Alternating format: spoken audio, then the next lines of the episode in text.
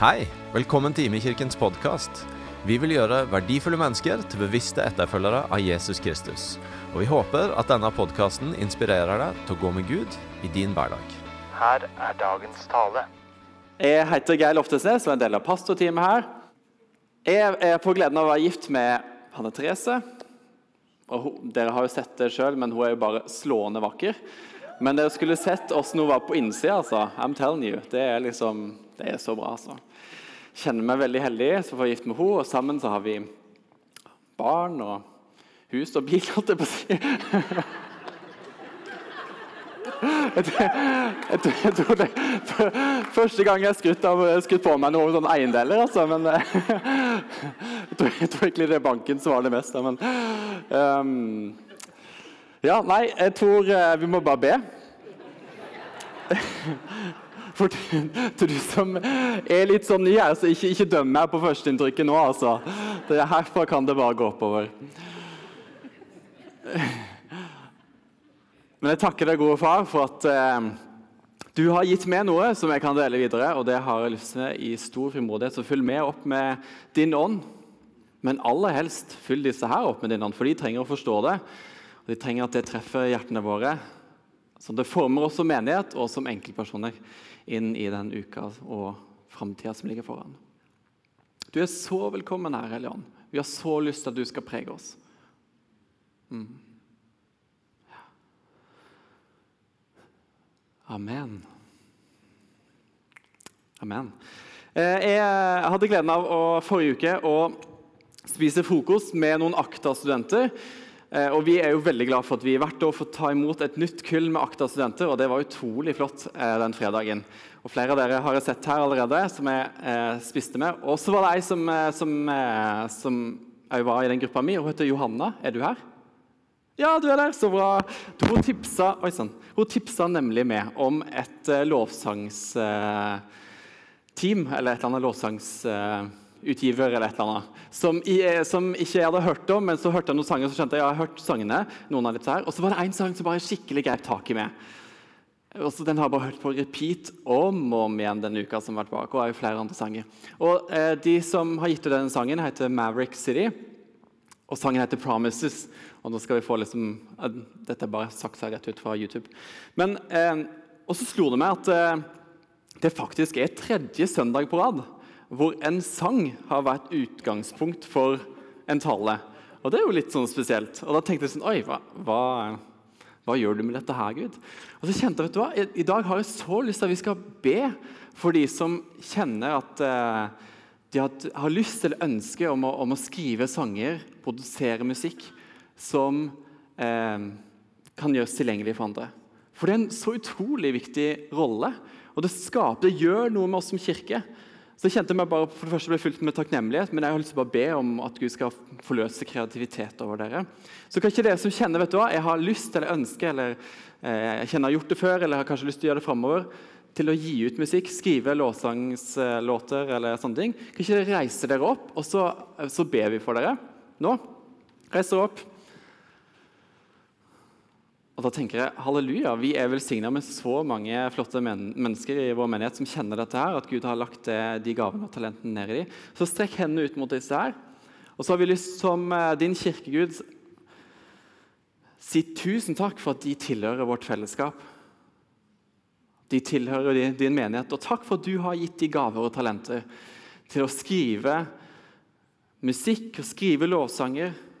Skrive sanger som formidle din, dine sannheter inn i uh, vår tid.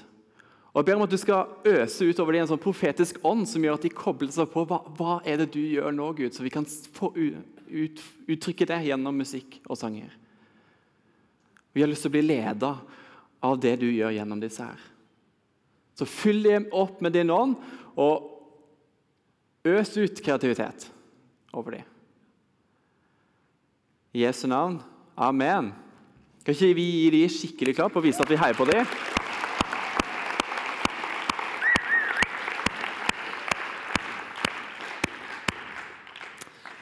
Så flott. Takk for at dere var med på det. På mine eldre dager Takk for at jeg lo av det. Jeg var litt redd for at jeg ikke skjønte at det var tull. Jeg er ikke så gammel, hallo. Men på mine eldre dager så har jeg blitt veldig glad i Det gamle testamentet. Første del av Bibelen. Eh, og Vi skal stupe rett inn i et hellig øyeblikk. For det er sånn at eh, Guds folk er slaver i Egypt, og det blir mer og mer krevende for dem. Det å være slave blir, eh, ja, det høres krevende ut, men det blir bare verre og verre. Og fordi Gud lengter etter sitt folk, så har han hørt deres rop, han har sett deres nød, og han vil stige ned og redde sitt folk. Så Som han ofte gjør, så kaller han på mennesker til å føre sin sak. Og I denne historien her så kaller han på en mann med navn Moses. Eh, og Han har egentlig fått opptrening ved faraos slott, eller et eller annet, vet ikke hva de kaller det, pyramider. et eller annet sånt. Eh, men så ender han opp med å drepe et menneske. og når Han flykta fra hele greia, han har flykta fra Gud og alt sammen, og endte opp i ørkenen. Nå skal vi lese fra andre Mosebok, kapittel 3. Da viste Herrens engel seg for ham i en flammende ild som slo opp fra en tornebusk. Han så og se, busken sto i flammer, men det blei ikke fortært av ilden. Og Moses sa, jeg vil gå bort og se den, dette mektige synet. Hvorfor brenner ikke tornebusken opp? Men da Herren så han kom bort for å se, ropte Gud til ham fra tornebusken. Moses, Moses! Han svarte, her er jeg. Akkurat som ikke Gud visste det. Og Gud sa, kom ikke nærmere, ta skoene av føttene, for stedet du står på, er hellig grunn. Så sa han, er din fars Gud, Abrahams Gud, Isaks Gud og Jakobs Gud? Og da skjulte Moses ansiktet, for han var redd for å se Gud. Herren sa, 'Jeg har sett mitt folks nød i Egypt, og jeg har hørt skrikene deres' under slavedriverne. Jeg kjenner deres smerte. Jeg har steget ned for å fri dem ut av hendene på egypterne, egypterne og føre dem opp fra dette landet og inn i et godt og vidstrakt land. Inn i et land som flyter av melk og honning.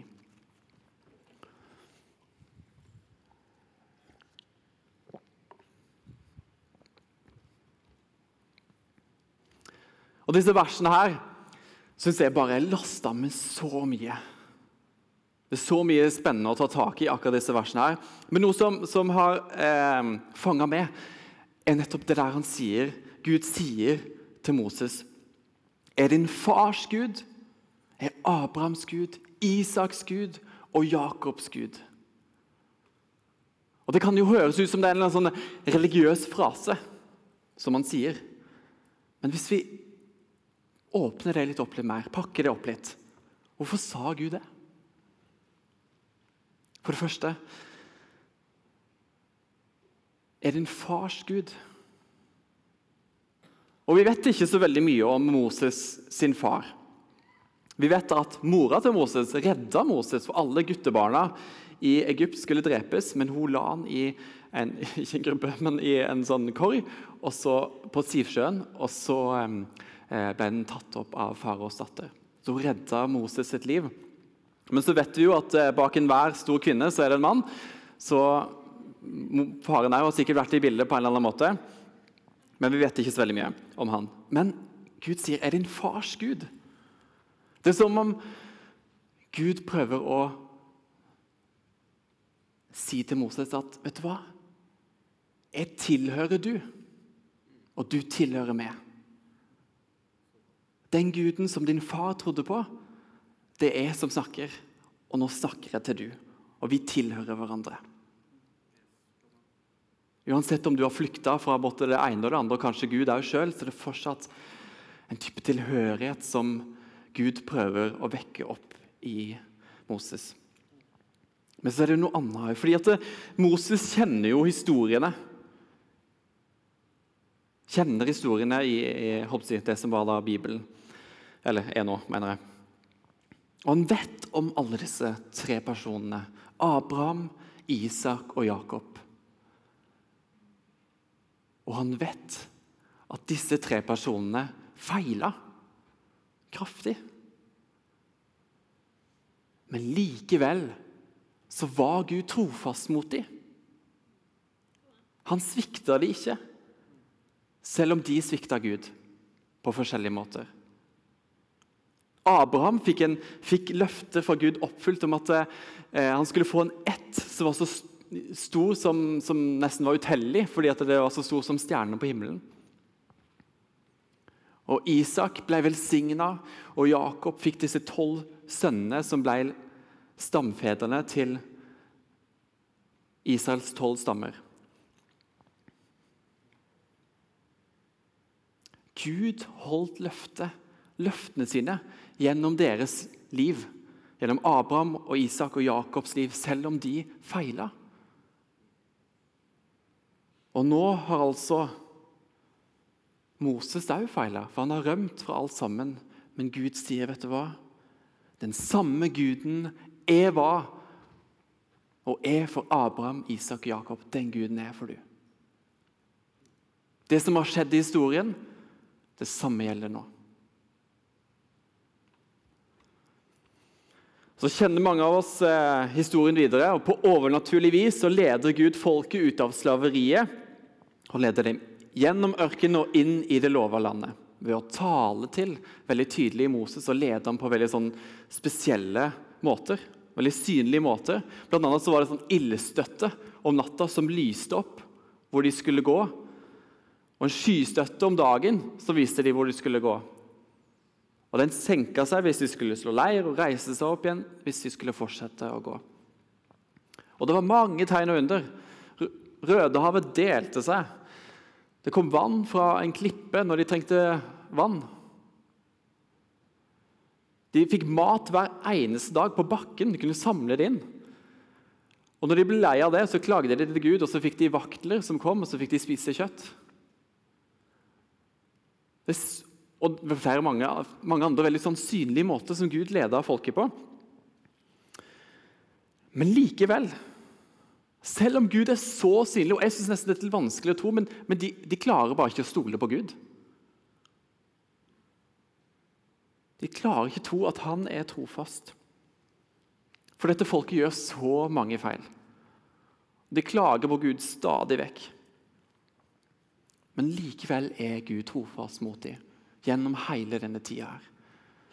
Og så er det litt interessant, for Når Moses skal gi stafettpinnen videre til Josva, så sier Moses noe i kallet innsettelsestalen. 5. Mosebok 31 kan vi lese at Moses sier Herren sjøl skal gå foran deg. Han skal være med deg. Han svikter deg ikke og forlater deg ikke. Vær ikke redd og mist ikke motet. Han sier flere andre ting som nydelige ting. Og Det, det er både profetiske ord over Josva over det som ligger foran, men det er òg ord sagt ut ifra erfaringen til Moses. For om folket ikke klarte å tro dette her ennå, så hadde det virkelig gått opp for Moses. For Moses hadde sett og hørt og erfart hvem Gud egentlig var. Han var en trofast Gud, tross i at israelsfolket svikta Gud gang på gang. Og, gjennom, og dette her er, liksom, Når vi hopper bare inn i en liten del av, av uh, historien Tingen er at Det er bare et utdrag for hvordan hele denne boka formidler noe.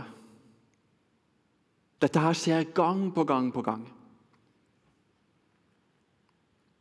Vi ser en Gud som jager etter mennesket for å fikse og reparere og gjenopprette det som en gang har blitt ødelagt, helt tilbake fra Edens hage, når det gikk alt der. Og I bibelhistorien viser at fra tid til annen så klarer Guds folk å tro at ja, Gud er trofast. Og sånne ting. Tid annen, så, fra tid til annen så, så klarer de det. Men historisk sett så går det ikke så veldig lang tid før de feiler igjen og er troløse. Og de feiler brutalt. Alt går i knas. Gang på gang. Og Noen ganger så grenser det helt til det ekstreme. Altså Det er løgn og bedrag og drap og maktmisbruk. Og det er sexskandaler. Ja, det er nesten så det kunne høres ut som en dårlig skandale-reality-TV-serie.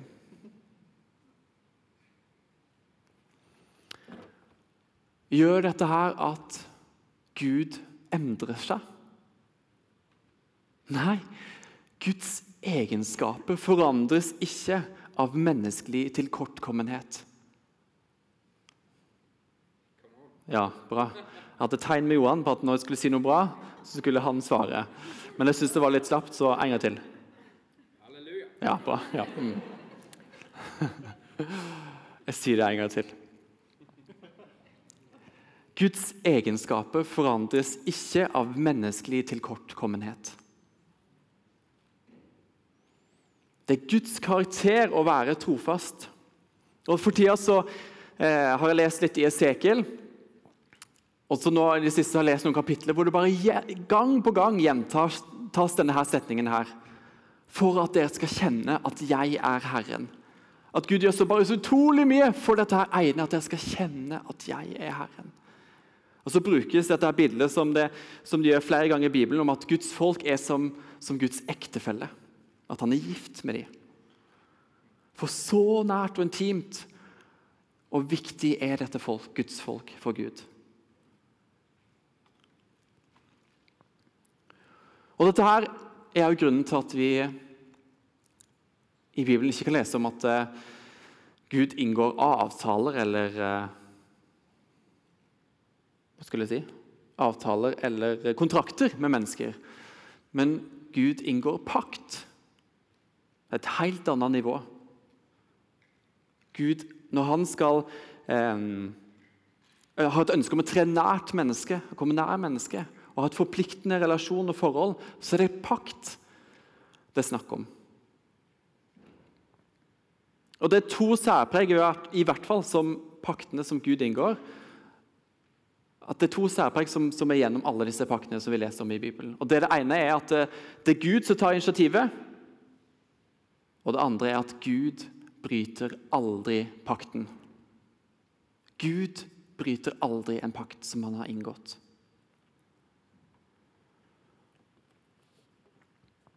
Og Vi kan lese om eh, forskjellige pakter som gås inn i, med menneskene i, eh, i Gamle testamentet. Men så har vi òg en som vi har tatt med oss inn i kirka og etter Jesus òg, og det er nettopp dåpen. Det er en pakt med Gud som, som vi har inngått med han, hvor han sier at du er mitt barn. Du tilhører meg. Du er en del av Guds kirke. Og Det er jo grunnen til at vi ikke tenker at vi trenger å bli døpt flere ganger IMI. Og det er fordi at vi kan være så troløse som bare rakkeren.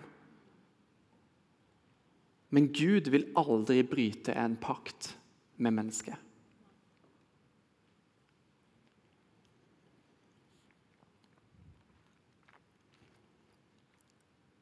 I Det nye testamentet kan vi lese om fiskeren Peter, som er en av Jesus sine nærmeste disipler.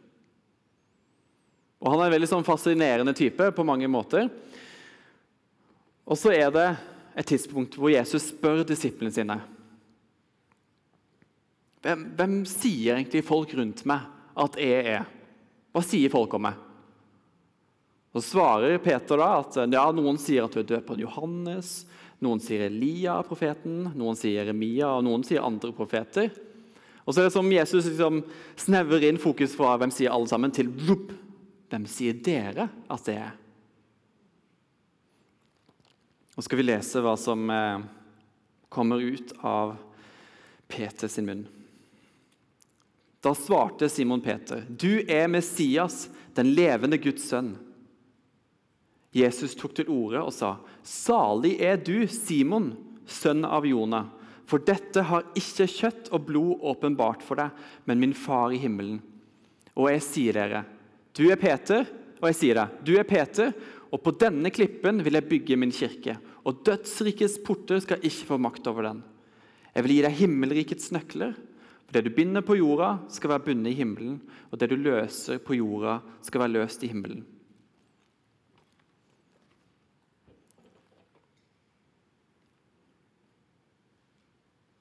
Peter får denne åpenbaringen om, om hvem, hvem, Jesus egentlig er. Og så sier, Jeg vet ikke om du legger merke til det når jeg leser det, men, men Jesus kalte Peter for Simon. Og Det var jo det hans egentlige navn var. Men akkurat her, i dette øyeblikket, så gir Jesus Simon et nytt navn. Fra nå av kalles han Peter. Han får en ny identitet. Og Peter, det betyr klippe på gresk. Jesus begynner å kalle ham for klippe. Klippe. Hei, Klippe. Og så vet òg en del av oss historien videre med Peter. For en stund senere, god stund senere så blir Jesus arrestert, han blir håna, han blir piska og han blir hengt opp på et kors for å dø. Og rett ut forbi at dette her utspiller seg, så er det som om Peter snoker litt rundt i bakgrunnen med nok avstand, sånn at han ikke blir oppdaga. Men likevel er det noen som oppdager han når de spør på forskjellige måter om, om, de, om ikke han kjenner Jesus eller tilhører han på en eller annen måte. Og sånn som vi vet, Peter nekter for det, ikke bare én gang, men tre ganger. Peter er troløs mot Jesus. Og faktisk er alle disiplene for de svikter han når det er som verst for Jesus. Og så syns jeg jo det er litt unntorlig. For selv om alle disiplene svikta han, så dør likevel Jesus på korset for alt det gale vi har gjort. All vår synd. Det dør sammen med han på korset, sånn at vi kan komme helt nær Gud igjen. Så han er trofast mot oss helt inn i døden, om alle andre er troløse. Og Jeg er overbevist om at Jesus visste veldig godt hva som bodde inni hjertet til Peter. Jeg tror ikke han var overraska over dette her skjedde. Og Likevel, lenge før, så har han begynt å kalle han Klippe. Du Klippe. Han vet hva som bor inni. Peter fornekter han tre ganger, men likevel Klippe. Du er min klippe. Du er klippen for, for kirka. Kaller deg Klippe.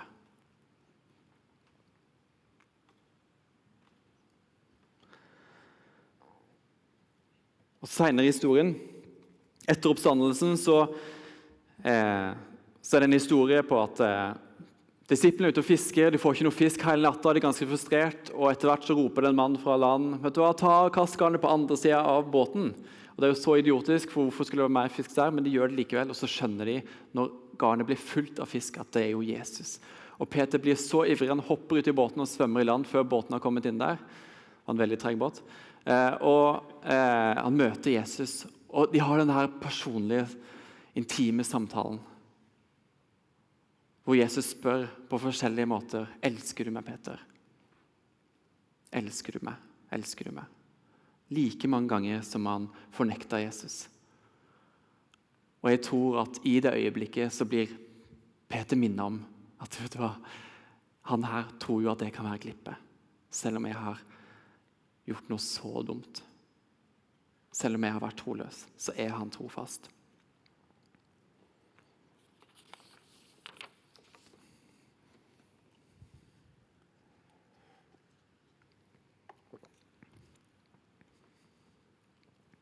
Og Tidvis så erfarer jeg òg at jeg blir i tvil om at Gud virkelig er det han sier han er på forskjellige måter. At han er trofast. Jeg kan gi etter for menneskefrykt i stedet for å stole på Gud. Jeg kan la bekymringer og stress fange meg i stedet for å søke Gud og ta imot hans fred og perspektiver. Jeg kan ta til takke med det nest beste når Gud egentlig har bedt meg om å vente og være tålmodig for å ta imot det beste. Det å ikke ha tillit til Gud og å stole på hans trofasthet, det kan, ha, det kan ha ulike uttrykk. Og Ungdomstida mi erfarte jeg var veldig krevende. og Da begynte jeg å anklage Gud for det som jeg opplevde var vondt i den tida der. Og til slutt så ga jeg opp hele troa. Trodde ikke at Gud Ja, hvordan kunne egentlig Gud eksistere når jeg fortsatt hadde det vondt? Og I den perioden så drømte jeg en drøm om og om igjen. Hvem vet at Gud kan snakke til oss gjennom drømmer? Det står det om flere ganger i Bibelen, og det skjer fortsatt. Og det skjer masse i den muslimske verden. Folk begynner å tro på Gud og Jesus gjennom drømmene de har på natta. Og Jeg hadde en drøm, og jeg, eh, jeg tenkte ikke så mye på det, jeg skjønte ikke helt hva, hva det var for noe. Men den, den satte seg så fast i hodet mitt. Så når vi fikk besøk av noen eh, her i IMI, noen, noen venner, for ti år siden ca., og hun snakka om at Gud kunne snakke til oss gjennom drømmer, så kom jeg i prat med henne, og jeg delte denne drømmen som jeg hadde. Så fikk jeg hjelp til å forstå hva Gud egentlig ville si til meg gjennom den. Og det jeg opplevde at dette her var en drøm til advarsel, som handla om at jeg ikke måtte stoppe opp og gi opp troa og livet. Men at, måtte, at, løsningen kom når jeg fortsatte. Og når jeg, når jeg, hørte det, så tenkte jeg bare Wow, det gjorde så dypt inntrykk med meg. Tenk! Jeg hadde, jeg hadde jo kasta Gud av båten. Jeg hadde gitt han skylden for ikke noe, som, ikke noe som var hans skyld. Og likevel leita Gud meg fram snakka til meg på ulike måter for å få tak på meg. Gud hadde ikke gitt meg opp. Han var trofast om, selv om jeg var troløs. Han hadde en vei for meg. Hva er det jeg prøver å si med alt dette her? Det er som om det kommer et, et ekko, en lyd, en lukt, et hjerteslag som kan summeres opp med det som står i 2. Timoteus brev 2,13. Er vi troløse, så er han trofast, for han kan ikke fornekte seg sjøl. Er vi tro, troløse, så er han trofast, for han kan jo ikke fornekte seg sjøl. Eller sånn som det står i Romerne 3.3.: Kan deres utroskap oppheve Guds troskap?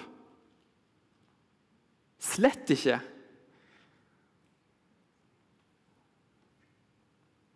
Om vi som menneskehet eller enkeltmennesker måtte ha en historie på å være troløse, ikke til å stole på, så endrer det ikke hvem Gud er.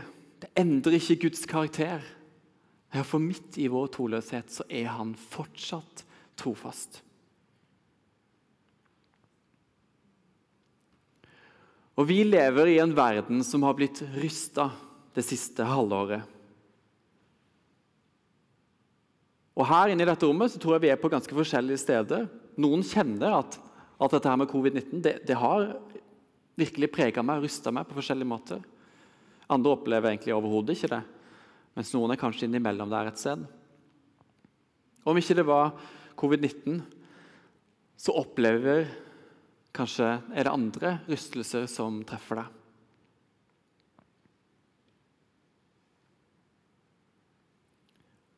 Jesus sier sjøl i Matteus 24 at eh, himmel og jord skal få gå, men mine ord skal aldri få gå. Tenk det, for et løfte. Midt i enhver rystelse. Mitt ord skal aldri få gå. Han er trofast. Og Det siste året for meg Familien min har vært veldig krevende. Men òg vår historie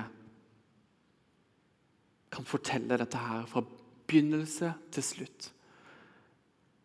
At Gud er trofast. Han står fast. Det er ikke alltid det enkle svar, men han svikter deg ikke, og han forlater deg ikke. Når vi planla gudstjeneste tidligere denne uka, her, så fikk Liveva et bilde på disse her broken columns, eller rustne menn, figurene som er spredt rundt forbi i Stavanger-området. Og På et tidspunkt så sto enten de eller noen lignende greier på Solastranda, sånn som dere ser på bildet her. Og så Poenget med det bildet opplevde hun var at uh, disse her jernskulpturene de står støtt gjennom alle stormer. Alle stormene som kom inn over vestkysten vår sto de like støtt. De ble ikke rokka på på en eller annen måte. Så var hennes, hennes forklaring var, og opplevelse var at eh, midt i denne tida vi lever i, så er det dette her vi kalles til. Å være som sånne broken columns eller rustne menn. Skulpturer som står stødig gjennom stormen. This too shall pass. Dette som kommer mot meg, skal jeg gå forbi. For jeg står urokkelig fast. Jeg står stødig. Jeg kjenner Han som er klippen med stor K. Og ikke søren om dette her skal rokke livet mitt på en eller annen måte. Jeg står fast gjennom stormen. På samme måte som Jesus begynte å kalle Peter for noe helt nytt, og kalle han for klippe, så tror jeg det ordet òg går ut til oss. Klippe, klippe, klippe, klippe. Og Kjenner du at du vakler på en eller annen måte, at du ryster på forskjellige måter, så er invitasjonen fra Gud til å si til han og lengte etter han, spørre han om å vise deg hvor trofast han er inni ditt liv. Hvor stor klippe han er inni ditt liv. Hvor urokkelig, hvor trofast han er. Fordi oppdagelsen av det vil forme oss på en sånn måte at det vil forandre oss. Omgivelsene våre vil begynne å oppdage at her er det noen, noen som står fast. For det er sånn at noen som har sagt, og jeg tror det er sant, at den som har mest håp, har mest innflytelse i verden. Og når ting begynner å ryste seg og rokkes litt, så begynner folk å lengte etter hvem er det som er stabile, hvem er det som er stødig, hvem er det som kjenner en stor klippe. En klippe med stor K. Og Det begynner å komme en sånn lengsel etter å få tak i hva dette her er for noe. Så vi trenger å oppdage, ikke bare med ordene og tankene, og alt dette her, at Gud er trofast, men dypt ned i hjertet vårt trenger vi å oppdage dette her sant? For vår egen del, for de menneskene rundt oss, men ikke minst for denne verden vi lever i. Og Det tror jeg at Gud kaller oss til inn i denne tida her. Kan vi ikke reise oss opp, så ber vi litt sammen.